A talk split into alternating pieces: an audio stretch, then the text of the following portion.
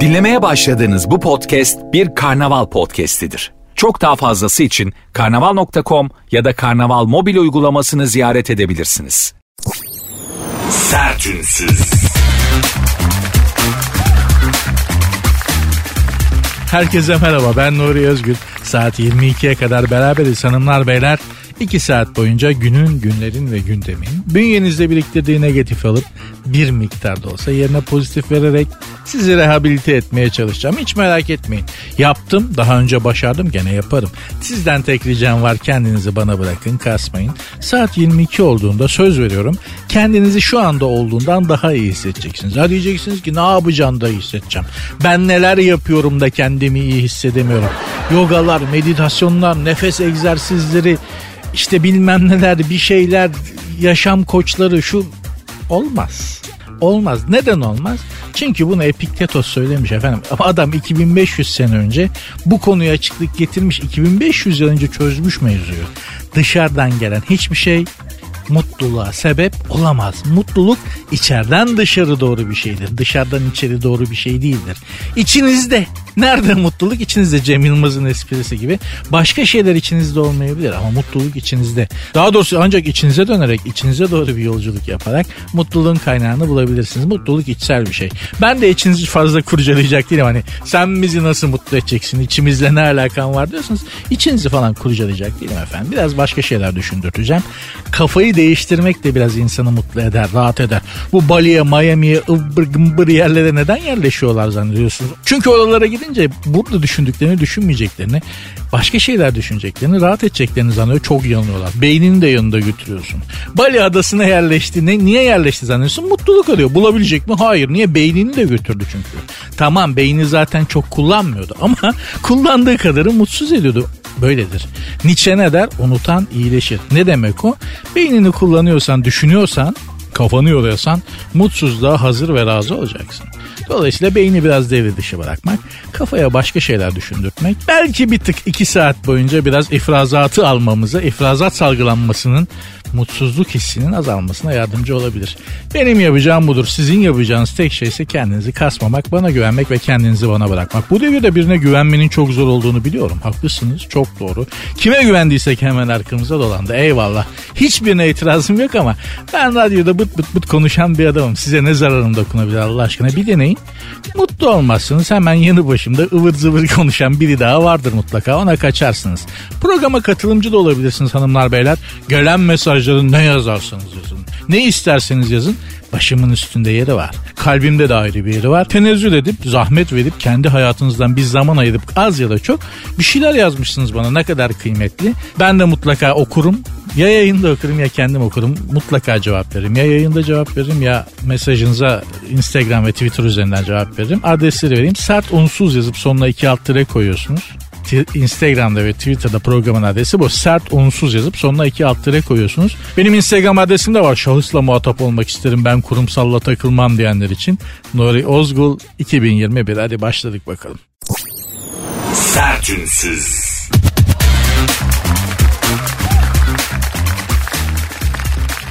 Kıvanç Tatlıtuğ dünyaya gelen oğlu için yatırımlara başlamış ve ilk etapta Londra'dan ev almış. Bir artı bir daireye 13 mil, 13 buçuk milyon lafı telaffuz edemedim.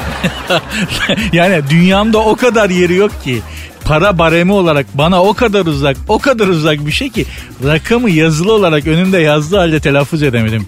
Baştan alıyorum. Kıvanç Tatlıtuğ dünyaya gelen olduğu için e, yatırımlara başlamış ve ilk etapta Londra'dan ev almış. Bir artı bir daireye Londra'da 13,5 milyon Türk lirası saymış. Tekrar söylüyorum bir artı bir daireye 13,5 milyon Türk lirası saymış. Şimdi tabii Londra'nın neresi ona bakmak lazım. Yani ilk etapta çok abi 13,5 milyon falan dememek lazım. Londra'da nerede aldığı önemli. Rakam ona göre makul gelebilir. Ben bir Londra kompetanı değilim. Mayfair ama bilirim Londra'yı. Mayfair diye bir semt var Londra'da mesela. Orada Mayfair'de 13,5 milyon liraya köpek kulübesi alamazsın. O kadar lüks bir yer. Acayip lüks bir yer. Çok da sofistike. Mayfair denen semtin ne kadar lüks olduğunu şuradan anlayın. Havyarlı diş macunu satıyorlar. yani hani Arap şeyhleri falan genelde Araplar maraplar oluyor böyle saçma sapan şeyler ama havyarlı diş macunu bile satıyor adamlar. Diş fırçasıyla beraber yanında onu ağzınıza dişinize sürtecek adam kiralıyorlar ya. Yani diş fırçasını alıyorsun yanında da adamını kiralıyorsun. Geliyor diş fırçasını sen, sen sadece ağzını açıp dişlerini gösteriyorsun iyi diye. Adam fırçalıyor gidiyor. Öyle bir yer. Şimdi oradan şimdi oradan Mayfair'dan 13,5 milyona ev bile alamazsın. Ben el yapımı tıraş malzemeleri satan bir dükkandan ustura satın aldım. Adam hala 3 ayda bir arıyor. Köreldiyse bileyleyelim efendim getirin diye. Ustura, usturayla sakal tıraş olmayı seviyorum. 3 ayda bir ya arıyor ya mail atıyor adam ya usturanız ne durumda falan diye.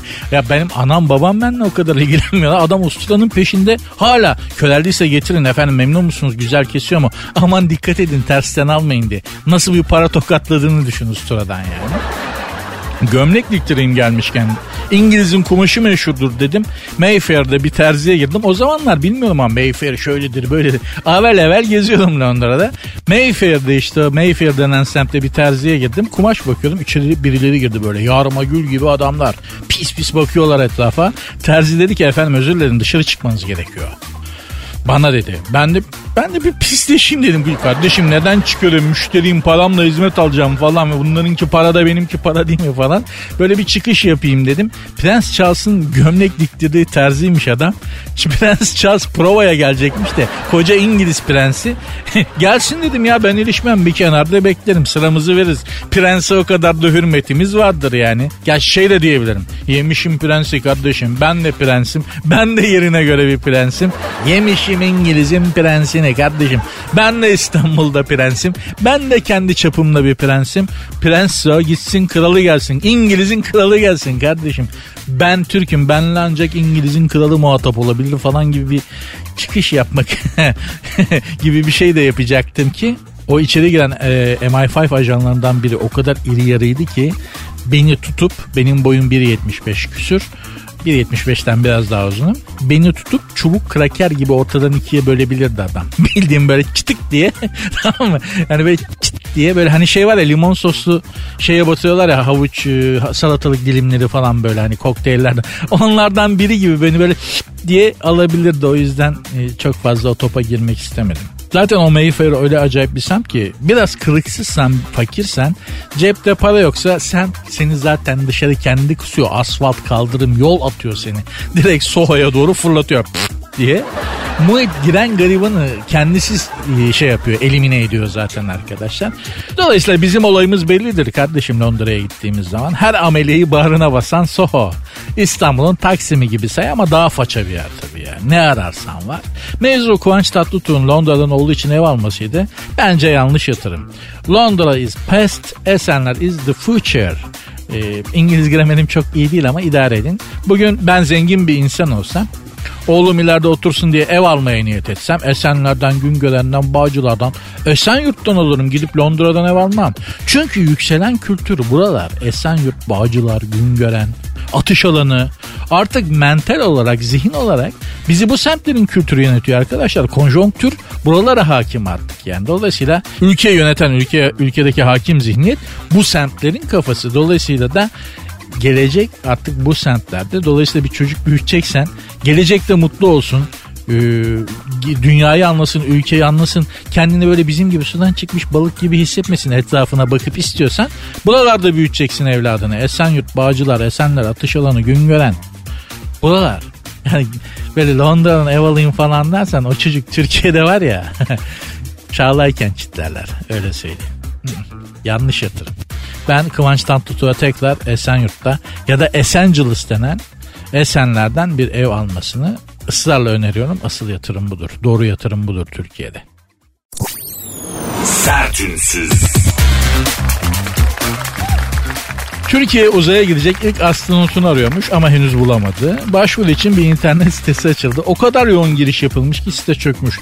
Rivayete göre tam 4 milyon kişi başvurmuş diyorlar. Site de o yüzden çökmüş. 4 milyon astronot başvuru fazla.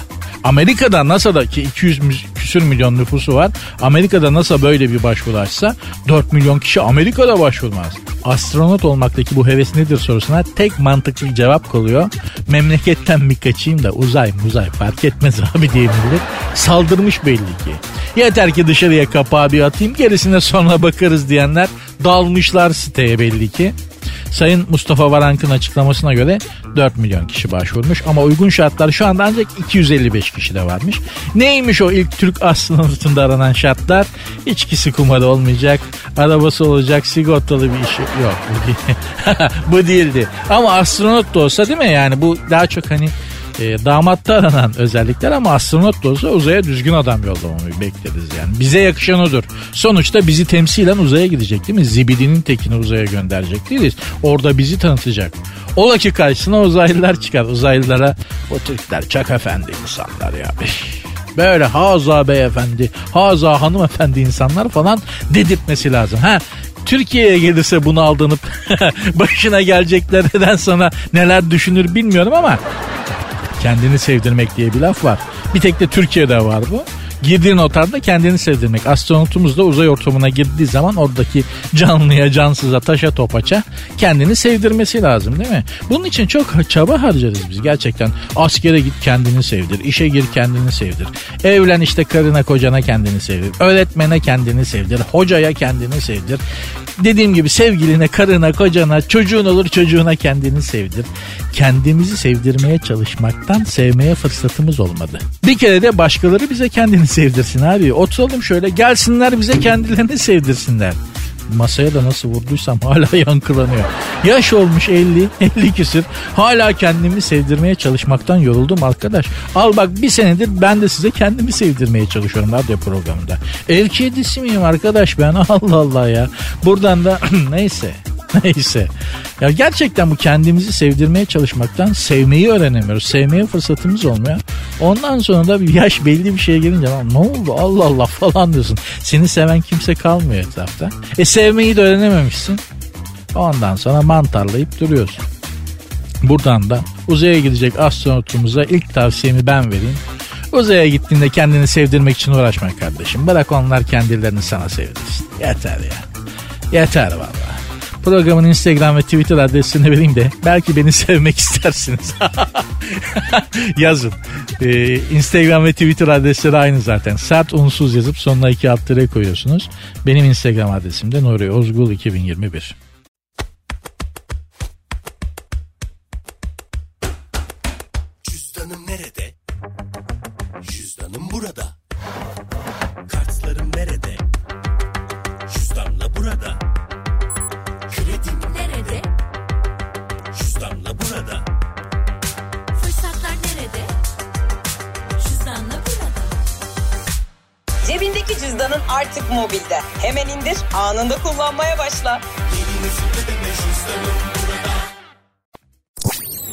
Sertünsüz.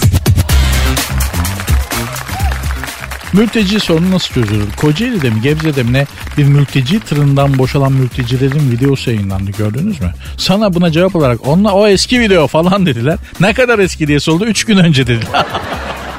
ya gerçekten de çok enteresan bir görüntüydü ama bir tırın arkasından İnsanlar adeta böyle bir yanardağın ağzından boşalan lavlar gibi akıyorlar böyle şehrin içine doğru.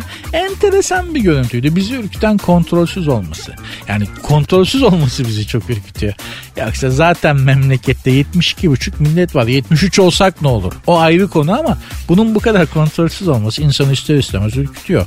Peki mülteci sorunu nasıl çözülür? Türkiye'de çözülebilen bir problem var mı ki? Mülteci sorunu çözülsün arkadaşlar. Yani matematik problemleri dahil ben memlekette bazı problemlerin çözüldüğüne bile hayret ediyorum. Çözülmesi değil çözülmemesi normal. Çünkü biz problemin çözülmesini sevmiyoruz. Biz problemin kendisini seviyoruz. İşte bir araya geldiğinizde yaptığınız dost muhabbetlerini düşünün. Türkiye güllük gülistanlık olsa bütün problemler en azından bütün büyük problemler çözülmüş olsa vallahi billahi doğru düz e, sohbet edecek iki kelam edecek mevzu bulamayız. Ne konuşacağız? Edebiyat, sanat, felsefe, kültür böyle bir muhabbet bunlar yüzyıllar önce yapılıyormuş İstanbul'da. Hem de kahvehanelerde. Şimdi kahvehanelerde dönen muhabbeti düşün. Eskiden kahvehanelerde bile şiir, edebiyat, musiki muhabbetleri yapıyormuş. E şimdi öyle insanlar değiliz. Artık öyle bir dünya yok. Öyle bir Türkiye yok. Dolayısıyla konuştuğumuz tek şey problemlerimiz. O an olacak, bunu olacak. Bence şöyle olacak, bence böyle olma, olacak falan. Bunları ortadan kaldır birbirimize edecek iki kelam laf gerçekten bulamayız. Burası Türkiye. Dediğim gibi bazı matematik problemlerinin bile çözülmesine hayret ediyorum. Daha doğrusu bazı matematik problemlerin kendisine de hayret ediyorum. Mesela en çok şuna takılırım. Otomobil problemleri vardır ya. Bir otomobil A kentinden 110 km hızla B kentine doğru harekete geçiyor. B aynı sırada B kentinden de bir ulan niye Aydın, İzmir bir otomobil Yozgat'tan bir otomobil Aydın'dan kalkıyor demiyorsunuz da A kenti B kenti. Aydınlılar mı bozulur yani? Hani A kenti yazacağına bir araba Aydın'dan 70 kilometre hızla hareket ediyor dersen Aydınlılar buna itiraz mı eder? Bizim şehrimizden 70 kilometreyle araba çıkmaz. En az 110 basa saçma sapan bir şey. Rus edebiyatında da vardır bu. Ee, A kentinin N kasabasında o gün neşeli insanlar Z köprüsü olan şehrin adını kasabanın adını köprünün adını söylesene yok. Aç Gogol'ü bak Dostoyevski bile böyle saçmalamış. T şehrinin de güneş o gün erken doğdu falan diyor. Böyle hep hikayeler böyle başlar. Neden isim vermezler? Mesela Franz Kafka değil mi? Onun en, en önemli kitabı Dava, Duruşma. O bile nasıl başlar? Biri Joseph K'ya iftira atmış olmalıydı. Joseph K. Herifin soyadını yazmış. K nokta. Bu ne be? Behzat Ç vardı ama hadi o eksantrik bir şeydi yani. Neyse matematik problemlerinde böyledir. A kentinden B kentine işte A kentinden B kentine bir araba 70 km hızla hareket ediyor. B kentinden de A kentine başka bir araba 10 km hareket ediyor. Kaç kilometre sonra karşılaşırlar. Türkiye'de ise o şehirler karşılaşamayabilirler. A kentinden B kentine doğru giderken biri şarampole yuvarlanmış öbürü de tırın altında kalmış olabilir Allah korusun. Dolayısıyla böyle matematik problemlerinin Türkiye'de mantığı yok, anlamı yok, gereği de yok. Mesela Ali Ali'nin 15 lirası var. Tunç Ali'den borç istiyor. Ali Tunç'a vallahi param yok diyor. Fatma Ali'den borç istediğinde ise Ali Fatma'ya parasının 7 bölü 4'ünü veriyor falan gibi. Lan. Ne demek Ali'nin kaç parası? Bu, bu problemden çıkabilecek tek mantı, mantıklı sonuç var. Ali karaktersizin tekidir.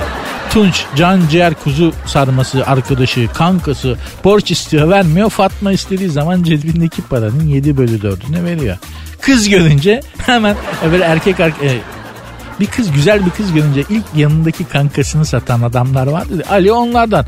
Bu matematik probleminden çıkarılabilecek tek sonuç bu. Sen bunu talebeye, öğrenciye niye soruyorsun kardeşim? Gerçekten de bizde bazı problemlerin cevabı yoktur. Daha doğrusu bazı problemlerin cevabı şıklar arasında hiçbir zaman yer almaz.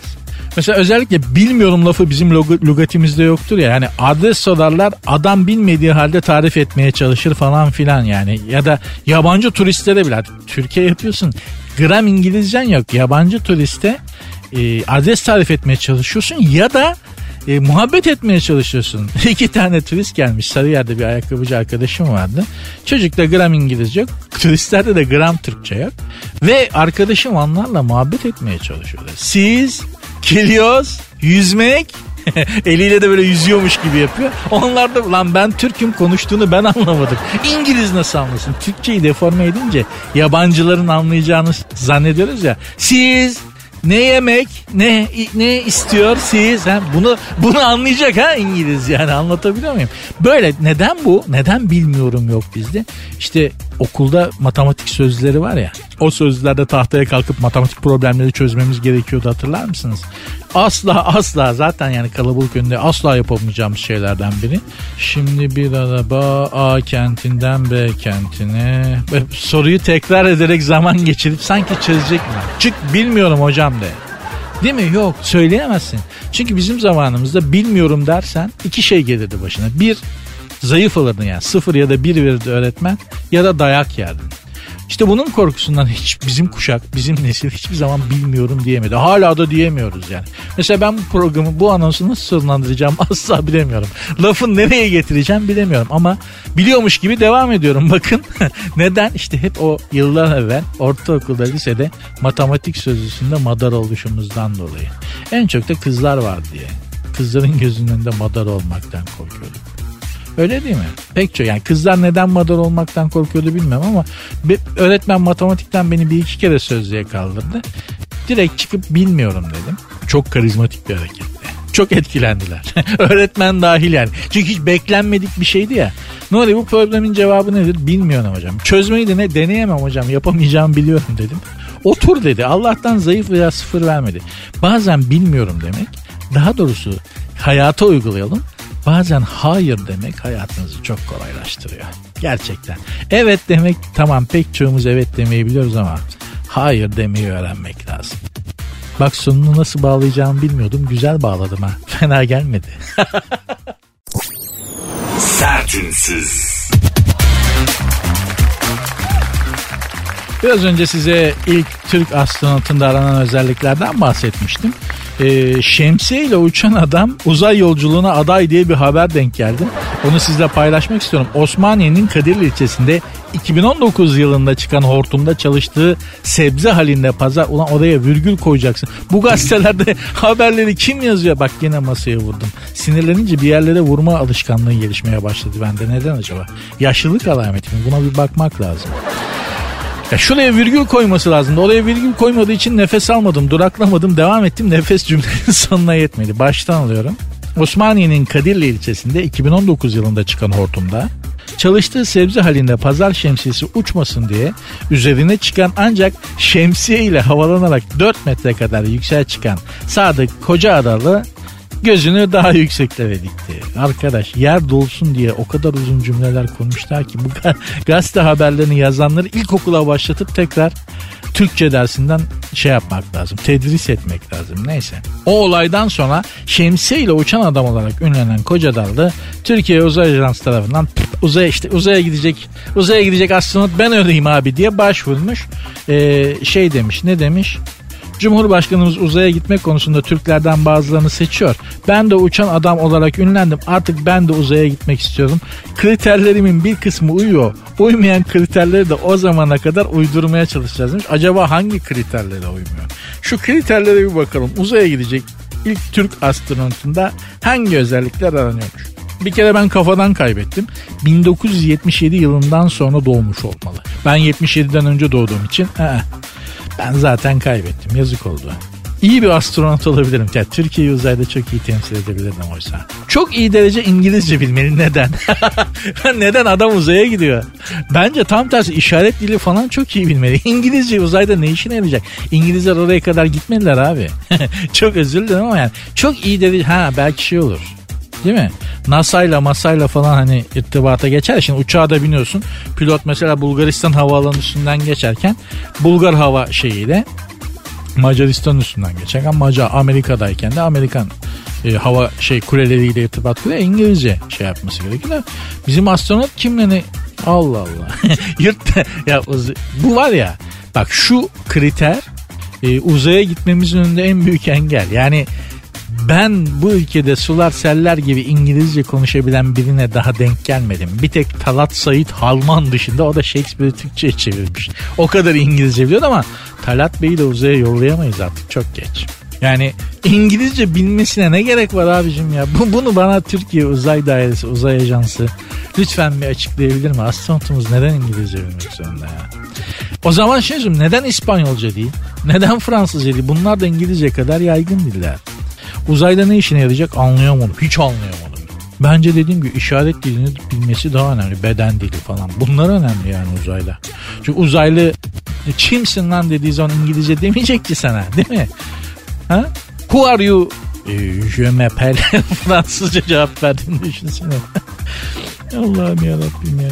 Dört yıllık fakülte. Dört yıllık fakülte mezunu olması şartmış. Abicim bu yani şeyde holdingde beyaz yakalı şoför mü arıyorsunuz? Anlamadım ki. 4 yıllık üniversite bitirmiş olsa ne olacak? Olmasa ne olacak? Bence üniversitenin kapısından bile geçmemiş bir adam olması lazım ki kafası karışık olmasın. Yani bugün üniversitenin bir kapısından içeri girdiğin andan itibaren tamam bitti ömür boyu sürecek bir kafa karışıklığına sahip oluyorsun. Bu tartışılmaz bir gerçek yani. Bak mektep medrese çok görmüş adamı uzaya yollamayın. Ani kararlar alması gerekebilir. Hemen hareket etmesi gerekebilir. inisiyatif kullanması gerekebilir. Okumuş insanların hiçbirinde ben böyle bir şey görmedim bugüne kadar. Tam tersi zır cahil adamların hepsi çok iyi inisiyatif alıp ani kararlar verebiliyorlar sonunu düşünen kahraman olamaz. Bu kafada bir adam olması lazım uzaya gidecek astronotun. Çünkü bizim uzaya gidecek mekikte de illaki bize özgü problemler, trigger kayışı falan hani kayış sıyırabilir falan. Şimdi çok bilmiyorum arızanın ne olacağını ama örnek veriyorum yani bize özgü problemler çıkacağı için hemen karar verip hemen uygulanması lazım. Bunu da okumuş adam. 4 yıllık üniversite okumuş adam. Ha, beyni sütlaça dönmüştür onun. O uzayda uzayda ha, hiçbir şey yapamaz. Bir de gittikçe de o kafası daha çok karışır. Ben bunun için mi okudum abi ya falan diye böyle uzayda karanlıkta boşlukta. Ben bunun için mi okudum abi ya? Ne işim var abi benim burada ya falan diye. Aman abi hiç gerek yok. Bence mektep ya ilkokul mezunu bile olması şart değil. Bence yani. Boyu 1.49 ile 190,5 santim arasında olmalıymış. Ona bir şey diyemeyiz. Onun vardır yani 1.49 aslında ne kadar ufak o kadar iyi. Değil mi? Yani ufak da acar olacak yani. Pire gibi tık tık tık tık uzun hamsi. 1.90 adamı uzaya yollamak da yanlış.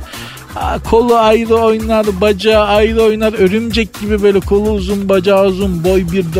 Ne gerek var? Yolla abicim 1.50 bak 1.50 adamı yolla pire gibi. Hem her deliğe girer çıkar arıza var tamir eder. Ne işin var abi uzun boylu adamı gönderiyorsunuz. Zaten hem bir de o kadar uzun boylu bir kavim değiliz. Bırak hiç olmazsa uzun boylularımız aramızda yaşasın yani. Kilosu 43 ile 110 arasında olmalı. 43 abi. Ne kadar çok ağırlık? Yani 110 kilo falan adamı sakın mekiğe bindirmeyin. Çok büyük hata. 43'tür abi. 43 kilonun tamam altı belki biraz tehlikelidir. Hani sağlık açısından. 45 diyelim.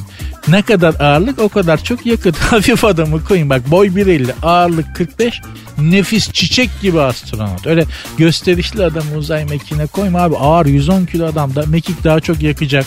Bak benzin kaç para oldu değil mi? Bunlar hep bizim cebimizden çıkacak. Bunları düşünmemiz lazım. 250 gram kaşar peyniri kadar adamı koyacaksın göndereceksin abi bitti. Bakalım başka ne varmış? 6 aydan fazla hapis cezası bulunmamalı. 6 aya kadar bulunabilir yani. Bak bu çok daha acayip ya. Memlekette bu mapushane görmüş adam kutsanması ne zaman bitecek acaba? Edebiyatımızda da bol miktarda vardır yani. Bu hapishane övgüsü. Hapiste yatmış olmanın şanlı şerefi falan. Bak 6 ay. Ya yani 6 aya kadar yatmış olabilir ya. 6 aya kadar ne verir? Adam yaralama mı? Hafif yaralama, saldırgan mı? Mala zarar mı ya? Böyle şeyleri de olabilir ve falan diyor. Allah'ım yarabbim ya. Kemal Tahir'in Rahmet Yolları Kesti diye bir romanı vardır. Yaşar Kemal'in İnce Mehmet romanına karşılık olarak yazmıştır onu. Çünkü İnce Mehmet e, ülkede eşkıyalığa karşı olan hayranlığı çok arttırdığını düşünmüştür Kemal Tahir ve bunun bir yozlaşma olduğunu inanmıştır ve buna karşılık olarak da Rahmet Yolları Kesti diye bir roman yazmıştır. İnce Mehmet'in tam tersidir Uzun İskender. Rahmetli Yolları Kesti de. Ve kitabın başında da ithaf bölümünün hemen arkasında da Kemal Tahir'in bir sözü yazar. Bir ülkede eşkıyalığa olan hayranlık artmışsa o ülkede çöküş başlamış demektir diye de bir notu vardır Kemal Tahir'in. Ah, oradan oraya da nasıl geldik bilmiyorum ama laf geldi be. İdare edin işte yani. Zuhurata tabiiz ne yapalım. Sertünsüz.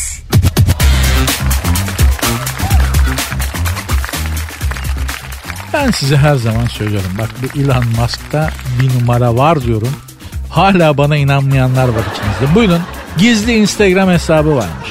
Bu Elon Musk'ın bir Twitter hesabıyla fazla mentionlaşması etkileşimi olmuş. İşte bunu bu takip edenler de demişler ki bu bunun gizli hesabı olabilir. Çok fazla kendisinden oraya mesaj alıyor gidiyor. Bu iki hesap arasında çok fazla mesaj gidiş gelişi var. Elon Musk söyleyemediklerini bu fake Twitter hesabıyla söylüyor falan diye böyle bir komplo teorisi atılmış. Elon Musk çapında bir komplo teorisi. Kendisi de çıkmış demiş ki benim Twitter'da Twitter'da ihtiyacım mı var kardeşim? Ha ama nedir? Instagram'da hesabım var. Çünkü işte bazı linkleri almak zorundayım falan. Ben bunları biz yemeyiz kardeşim. Biz bunları yemeyiz. İlan. Buradan da Elon Musk'a sesleniyorum. İlan biz bunları yemeyiz kardeşim. Bize anlatma. Biz senin kedi kovaladığın yok neydi? Senin fare kovaladığın yerde biz kedi seviyorduk kucağımızda ilancım. Sen kesinlikle o sahte Instagram hesabını işte modellere, foto modelleri beğendiğin hanımlara yürümek için kullanıyorsun. İlan ya olur bak erkek adamsın bunlar normal. Öyle bir laf var ya hani erkek adamsın bunlar. Ne, ne normal lan ne demek normal ya. Erkek olunca bazı şeyler legal mi oluyor? Saçmalamayın birazdan gireceğiz o mevzu. İrem Derici Safiye Soymam şeyine giriyoruz birazdan polemiğine. Ben de gireceğim araya. iki kadının arasına girmek çok özellikle atışan iki kadının arasına girmek bir erkek için çok tehlikelidir. Parmağını prize sok daha iyi ama gireceğim bu polemiğin arasına gireceğim. Elon Musk'ın da Elon Musk hala adını söyle. Yani gönlüm yok ya adamı sevmeye. Adını bir türlü o yüzden telaffuz, telaffuz edemiyorum. Elon Musk'ın da bu sahte Instagram hesabını biz biliyoruz kardeşim. Bu da manitacılık yapıyorsun Elon. Çünkü gözü doymamış bu adamın. Yani tam 220 milyar servet yapmış ama o serveti yapana kadar bir sürü şeyden mahrum kalmış ya. Yani çok fazla sevgilisi olmamış, gezememiş, tozamamış falan. Zaten bir sürü psikopatolojik problemleri var çocukluğundan gelen falan. Dolayısıyla bu sahte istida bunun gönderdiği Whatsapp'tan fotoğraflar, videolar ay ay ay bunlar ortalığa bir dökülse var ya inanmış çok başka bir insan olur gözümüzde yani. Bunun gönderdiği uzay mekiğine binip uzaya da gitmem. Açık söyleyeyim uzay turizmi yapıyor biliyorsunuz. Atmosferin dışına çıkarıyor indiriyor. Jeff Bezos'la ikisi çok güzel tezgah kurmuşlar. Uzaya götürüyoruz diyorlar. Atmosferden yarım metre dışarı çıkıp geri getiriyorsun. Ne oldu? Uzaya geldim. Uzaya geldik gittik. Bunun şeyiyle mekiğiyle uzaya giden bir Japon arkadaş vardı. Yancı olarak gitti. Uzaya giden bir e, zengin vatandaş bunu da yanında ücretini ben veriyorum arkadaşım diye. Eskiden maçlarda öyle olurdu. 1980'lerde 90'ların ortasına kadar. Böyle çocuklar abi beni de maça soksana be falan gel koçum falan diye. Çocuğu da alır yanında maça sokardın. Babada para o kadar çok ki uzaya yancı götürmüş. İşte uzaya giden yancı bir de şeyde oturmuş. Orta koltukta. Cam kenarı da oturmamış. Vallahi hiçbir şey anlamadım. Bir karanlıktı bir aydınlık oldu sonra geldik dediler diyor. Büyük kolpa. Büyük tezgah. Güzel de para kazanıyor. Dediğim gibi sahte Instagram hesapları falan filan bunlar hep neyi gösteriyor abi? Sen de bizdensin Elon Musk, Orhan Gencebay'ın dediği gibi. Ben yanılmam arkadaş sen de bizdensin. Bizim gibi meçhule gidenlerdensin diye. Meçhule gitmiyorsun ama gittiğin yer çok da hayırlı değil. Dediğim gibi bu fake Instagram hesabı falan ben ben senle çok afacan bir elektrik aldım Elon bunun şeyini hacklese birileri de okusak ya. Ben yani kişisel şey kişisel hayatın şeyini çok saygılıyım ama bu Elon Musk'ın afacanlıklarının ne olduğunu görmek istiyorum gerçekten. Çünkü adamın adam bize gösterdiği gibi biri değil. Bak Jeff abi, Jeff Bezos ben kendisine daha yakınım. Belki bir de Macar olduğu için de öyledir. Bir kısmı Macar ya babanın. Oradan bir samimiyetim, sevgim vardır belki Jeff abi ama bu Elon Musk çok kullanıyorum çok. Çok kullanıyorum bu adamdan. Arkadaşlar bu adam bizim başımıza bir çorap örecek ama dur bakalım ne zaman. Çok dikkatli olun. Bu arada e, programın Instagram ve Twitter adreslerini vereyim de belki benimle aynı fikirde değilsinizdir. Belki bana itiraz etmek istersiniz. Belki programı hiç beğenmediniz. Sen ne biçim program ettin oraya kim bitir falan gibi şeyler yazmak istersiniz. Çok moda biliyorsunuz adam harcamak sosyal medyada. Harcamak istiyorsanız da harcayabilirsiniz. Hiç sıkıntı yok yani. Bende o kadar krediniz var. Başkasına kızmışsın hırsını benden çıkar. Bizim işimiz ne ya? Biz bunun için varız. Saldır hiç fark etmez. Hiç fark etmez. Asla kendimi bozmam. Asla sen ne diyorsun falan diye başlayan cümleler kurmam. Ne söylerseniz başımızın üstünde yeri var eyvallah. Programın Instagram ve Twitter adresi de aynı. Sert unsuz yazıp sonuna iki alt koyuyorsunuz. Benim Instagram adresim de Nuri Ozgul 2021. Neden konuştukça sesim böyle tehlikeli bir adam sesi gibi çıkmaya başladı bilmiyorum ama böyle oldu. Sertünsüz.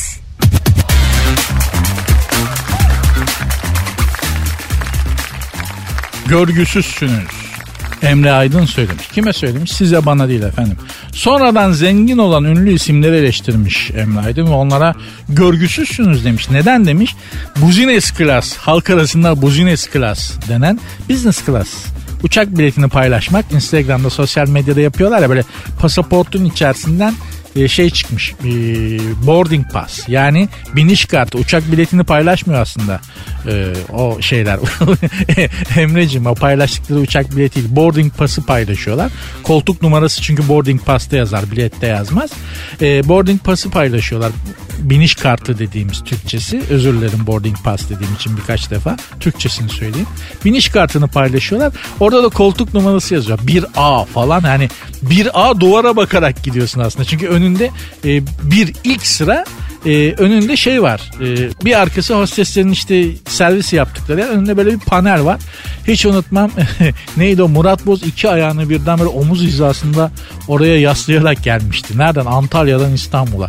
Ben de iki adaydım da. Baba kapşonu örttü. Ayakları kaldırdı. O panele koydu böyle iki ayağı. Baba Spider-Man gibi geldi İstanbul'a kadar. Hiç unutmuyorum ya. Bu kim lan dedim yanındakine. Tanımadım mı abi? Yo dedim. Kim bu? Niye böyle gidiyor? Uyaralım falan. Murat Boz dediler. Uyarmaktan vazgeçtim. hani yabancı biri olsa uyarırdım da. Murat Boz'u ne uyaracağım kardeşim? Kendi düşünsün. Allah Allah. Neyse mevzu o diyeyim. Mevzu şu. E, boarding pası yine boarding pass dedim özür dilerim. Biniş kartını paylaşıyorlar. Neymiş efendim? 1E şey e, Strasbourg 2A Roma falan hani gittiğin yer de gözüküyor anlıyor musun? Vay be business class'la Paris'e gidiyor falan filan. Bunun havasını yapmak için işte paylaşıyorlar sosyal medyada. Altına da şey yazıyorlar işte gittikleri memleketleri. Choose, au revoir, auf Wiedersehen, buenvenito falan yazıyorlar tamam mı? 2B Barcelona falan böyle vay diyorsun. Pasaportun da içindedir o genelde. Pasaporttan böyle hafif çapraz çıkmış olur falan. O fotoğraf çünkü çok gözümün önünde. Nereden biliyorsunuz. Ben de yaptım. Ama benimkisi 34B'ydi. Isparta bir de hani şey değil hani Roma, Paris, Stuttgart hani Stuttgart'a bile razıyım tamam mı? Hiçbiriyle Isparta şu 34B yani uçağın arkası bir de orta koltuk. Hani zindana düş daha iyi anlıyor musun? Daracık böyle bir de orta koltukta gitmek gerçekten yani ya kafayı yersin ya velayetten nasibin olur. Bir de zaten uçağın arkasında kanadın arkasında gittiğin zaman acayip kafa yapıyor. Çünkü uçak yakıtının kokusu geliyor havalandırma sistemini. Jet motorları itiyor ya yakıyor falan işte o motorlardan çıkan egzoz havalandırmayla beraber içeri giriyor. Ben Paris'e kafam güzel bir yudum alkol kok alkolün şişesini görmeden kafam güzel indiğini çok bilirim. İki buçuk saat abicim o yanmış mazot kokusu böyle uçak yakıtıyor tatlı da bir kokusu var çok acayip kafa yapar.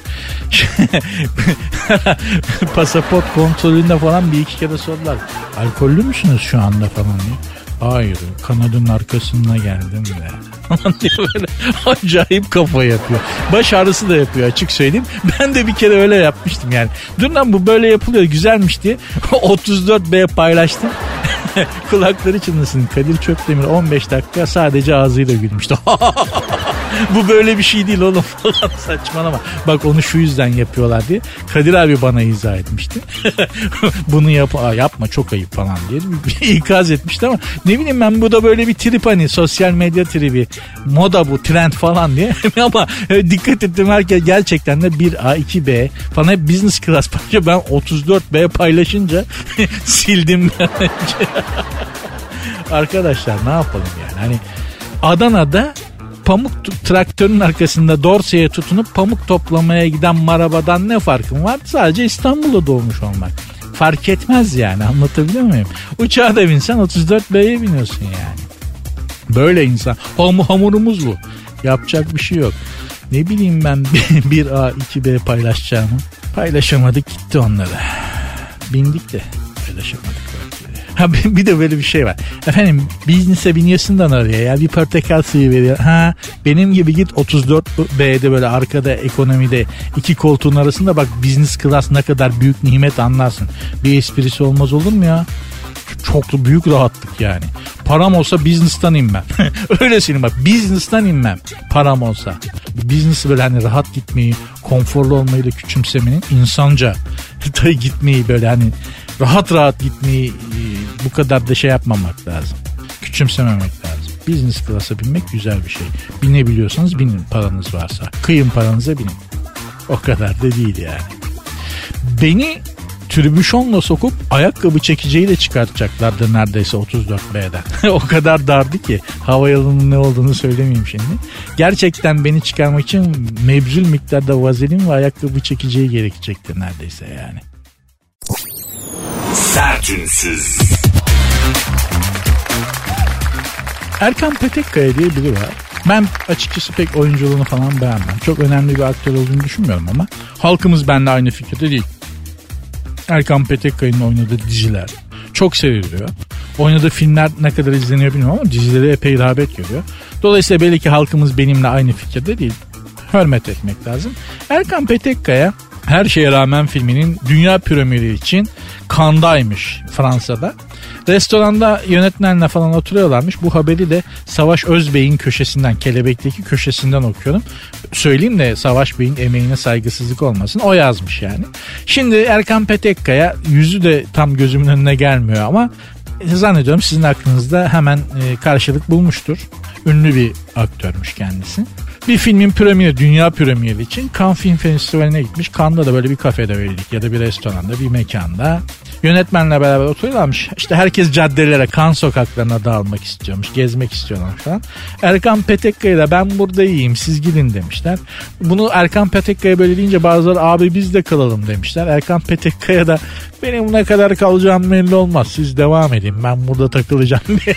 yani o kadar belli ki. Neyse Erkan Bey de bir süre takılmış. E artık ne kadar oturmuş o belli değil. Sonra kalkmış. Bir Fransız kapkaççı ufak çocuk Erkan Petekkaya'nın cep telefonunu yolda giderken tokatlamış. Hemen. E, Erkan Petekkaya da tabii normalde çünkü bir Avrupalıya bunu yapsan ha ha e, e, falan yapar. Ne yapacağını da bilemez. Erkan Petekkaya çocuğu kan sokaklarında o dünya jet sosyetesinin arasında kovalamaya başlamış. Böyle onun ona, ondan ona ondan ona böyle kavisler yaparak falan çekil buradan gidin falan diye böyle kan sokaklarını yakalamış çocuğu zikzaklar yapıyormuş böyle milletin arasında. Önde çocuk arkada Erkan Petekkaya. Bak haber okudukça adama sempatim arttı. Neyse çocuğu yakalamış Erkan Petekkaya. Tabi çocuk ya cep telefonumu ver demiş vermemiş. Şimdi normalde sota bir yerde olsa belli ki bir iki yoklayacak da çocuğu. 50 euro vermiş ver cep telefonu diye. Çocuk vermemiş. 100 euro bir 50 daha ateşlemiş. Ver demiş telefonumu. Çocuk gene vermemiş. Bunun üzerine çocuğun karnına bir yumruk atmış Erkan Petekkaya. Sonra da kolundan tutup polise götürmüş. Polis de Erkan Petekkaya'nın Türk olduğunu öğrenince bizimkine kıtır atmış. Ne oluyor falan dur bakalım şş, ne ayaksın sen diye. Erkan Petekkaya da telefon açıp fotoğraflarını göstermiş. Bu te- o telefonun kendisi olduğunu ispat etmiş. Ha öyle mi falan deyince Fransız polisinin polis olduğu aklına gelmiş ki gerçekten Fransız polisinin de bir yabancıya karşı tutumu böyledir yani enteresan bir tutum vardır. Çok sıcak değildir yani. O yüzden özellikle Fransa'da karakolluk olmamak gerekir. Eğer bir başka bir ülkedenseniz özellikle de işte Türk falansanız aman abi. Aman abi. Bütün çünkü e, üstü gömülü olan nevrotik faşist şeyler hemen ayaklarını veriyor Fransız polisinde. Bakın bu telefon benim bu çocuk çaldı deyince Fransız polisinin polis olduğu akıllarına gelmiş ve çocuktan o Erkan Petekkaya'nın verdiği 100 e, euroyu da alıp Erkan Bey'e, Erkan Petekkaya'ya geri vermişler. Telefonu da vermişler. Erkan Petekkaya da bu son anları, o son anları videoya çekip telefon alınca altına da beautiful polis telefona kavuşmuş olmanın neşesiyle Fransız polisine İngilizce beautiful polis yazarak e, tabii Fransızca bilmesi gerekmiyor. Önemli de değil ama beautiful güzel polis olmamış be. Hani good polis, thank you falan filan da var abi. Beautiful polis ne gözünü seveyim. ha nedir? Belli ki baba şey ne yazacağını bilememiş o anda. Şey de olabilir. Gecenin ilerleyen saatleri kafası yerinde değil de beautiful polis yazmıştır.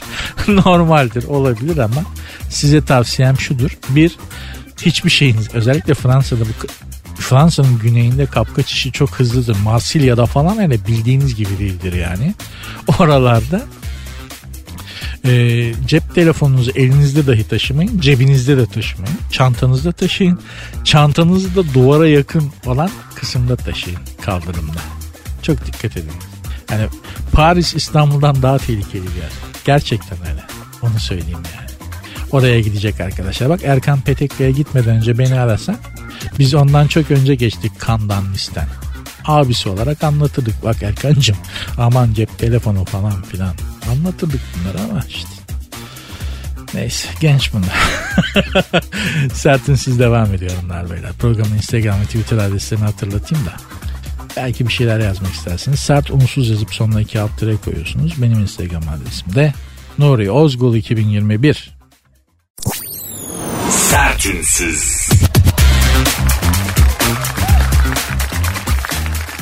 Bir dinleyicim tweet atmış diyor ki abi diyor Paris İstanbul kadar bile güvenli değil dedin diyor. Başka nereler güvensiz Avrupa'da güvenli olan bir yer var mı diyor. Hayır yok. Avrupa'da asla güvenli bir yer yok. Hele Avrupalı değilseniz o ülkenin vatandaşı değilseniz hiçbir yer sizin için güvenli değil. Gerçekten böyle karakolluk falan olmamaya çok dikkat etmek lazım yani. Ben e, e, hiç karakolluk oldum mu? Hayır. Bir kere Fransa'da otobanda yolda kaldım. Arıza yaptı araba. Kiraladım araba. Tam tersine yani.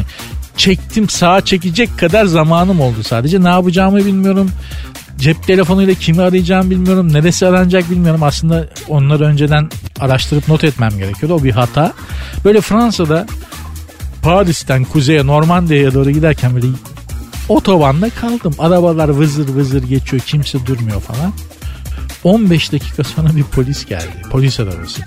Dedi ki bize dedi sizin yolda kaldığınız söylendi falan filan. Hemen gel problem nedir dedi. Çekici çağrıldı. Adamlar bana bir şey yaptılar. Bir hizmet ettiler. Aa çok şaşırdım. Yani hani Şimdi aynı şey başka bir yerde başıma gelse Fransa'da beklemiyorsun anlatabiliyor muyum? Çünkü Fransız polisi gerçekten çok ukala ve çok defansif ve çok şey. Ön yargılı. Neyse Avrupa'da nerede dikkat edelim? Her yerde dikkat edin. Bence dünyanın her yerine dikkat edin. Çünkü şey bizler imparatorluk varisleri olduğumuz için yani Türkler tarihte çok başarılı olmuş bir millet olduğumuz için vaktiyle çok başarılı olmuş olduğumuz için dünyanın merkezine kendimizi koyuyoruz. Mesela İspanyollar da öyledir. Onlar da imparatorluktan geldikleri için dünyanın merkezine kendilerini koyarlar. Biz de dünyanın kendi etraf ister istemez bilerek değil düşünce sistemimiz, hayata bakış açımız, ülkenin dışına bakış açımız bunu getiriyor. Biz dünyanın merkezinde kendimizi koyarız ve öyle düşünürüz biz Türkler. İspanyollar da öyledir. Fransızlar da öyledir. İngilizler de öyledir. Almanlar öyle değildir mesela. Almanlar dünyanın, dünyanın merkezi Almanya'ymış gibi düşünmez. Almanlar dünyanın merkezi kendileriymiş gibi düşünün. Daha bireycidirler. İmparatorluk refleksidir hanımlar beyler. Dolayısıyla da yapacak bir şey yok.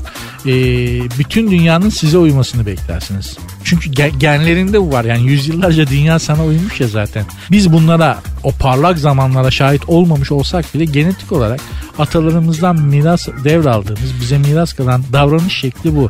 Dünya sana uysun istiyorsun ama dünya seni de sallamıyor yani.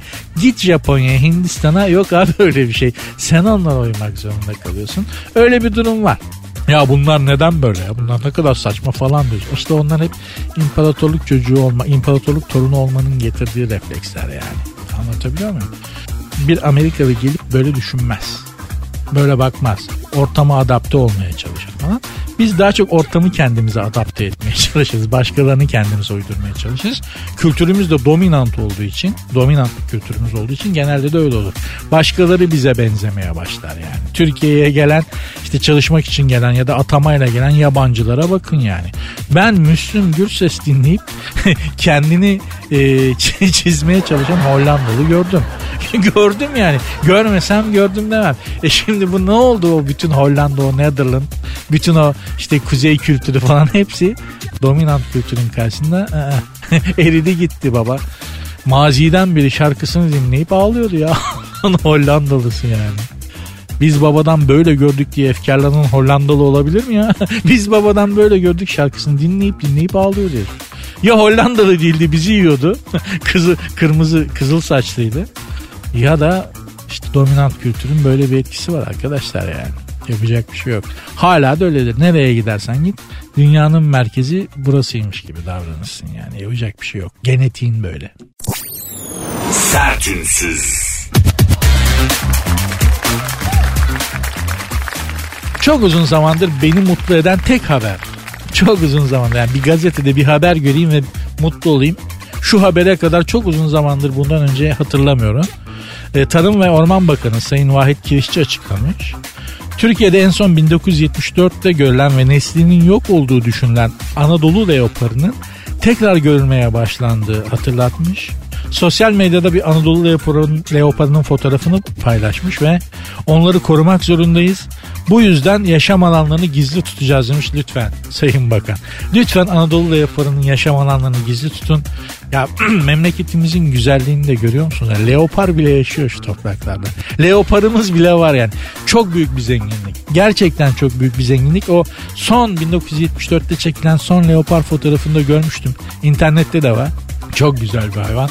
Ya hay hayvanlarımıza sahip çıkalım ya. Vallahi bak. Hani ormanlara falan sahip çıkamadık ama şu Anadolu leoparı, leoparı o kadar önemli ki. O kadar önemli ki.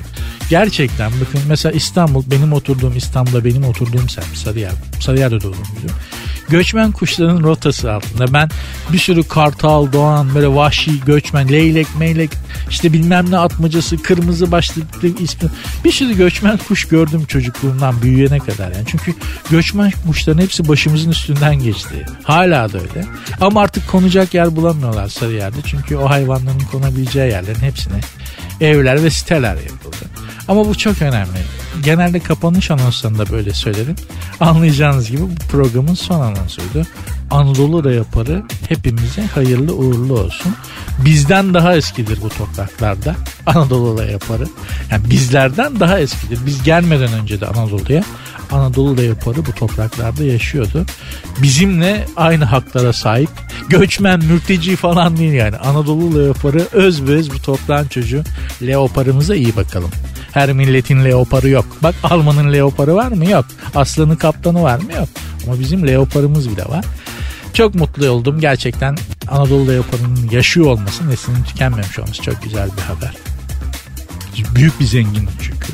Ülkemizin zenginliklerinden biri. Gidecek başka bir yerimiz yok hanımlar beyler. Bizi kimse almaz yani. Hani biz gelenleri alıyoruz da biz gitmeye kalksak bizi kimse kapısını açmaz. O yüzden memleketimizin bekçisi olmak zorundayız. Sahibinden çok bekçisi olmak zorundayız yani. Çünkü bekçisi olmazsak sahibi de olamayacağız belli ki. Bunun da yolu işte böyle güzelliklere sahip çıkmaktan ve muhafaza etmekten geçiyor. Ben programı bugünlük bağlar başı yapıyorum. Çok bilmişliğimi de yaptım. Oh rahat ettim. İnşallah siz de şu anda kendinizi iyi hissediyorsunuzdur. Dinlemeye başladığınız ana ana göre şu anda daha iyisinizdir. Benim amacım da buydu zaten. Kendinizi bir miktar da olsa iyi hissettirebilmek. Başarabildiysem ne mutlu bana. Hoşçakalın.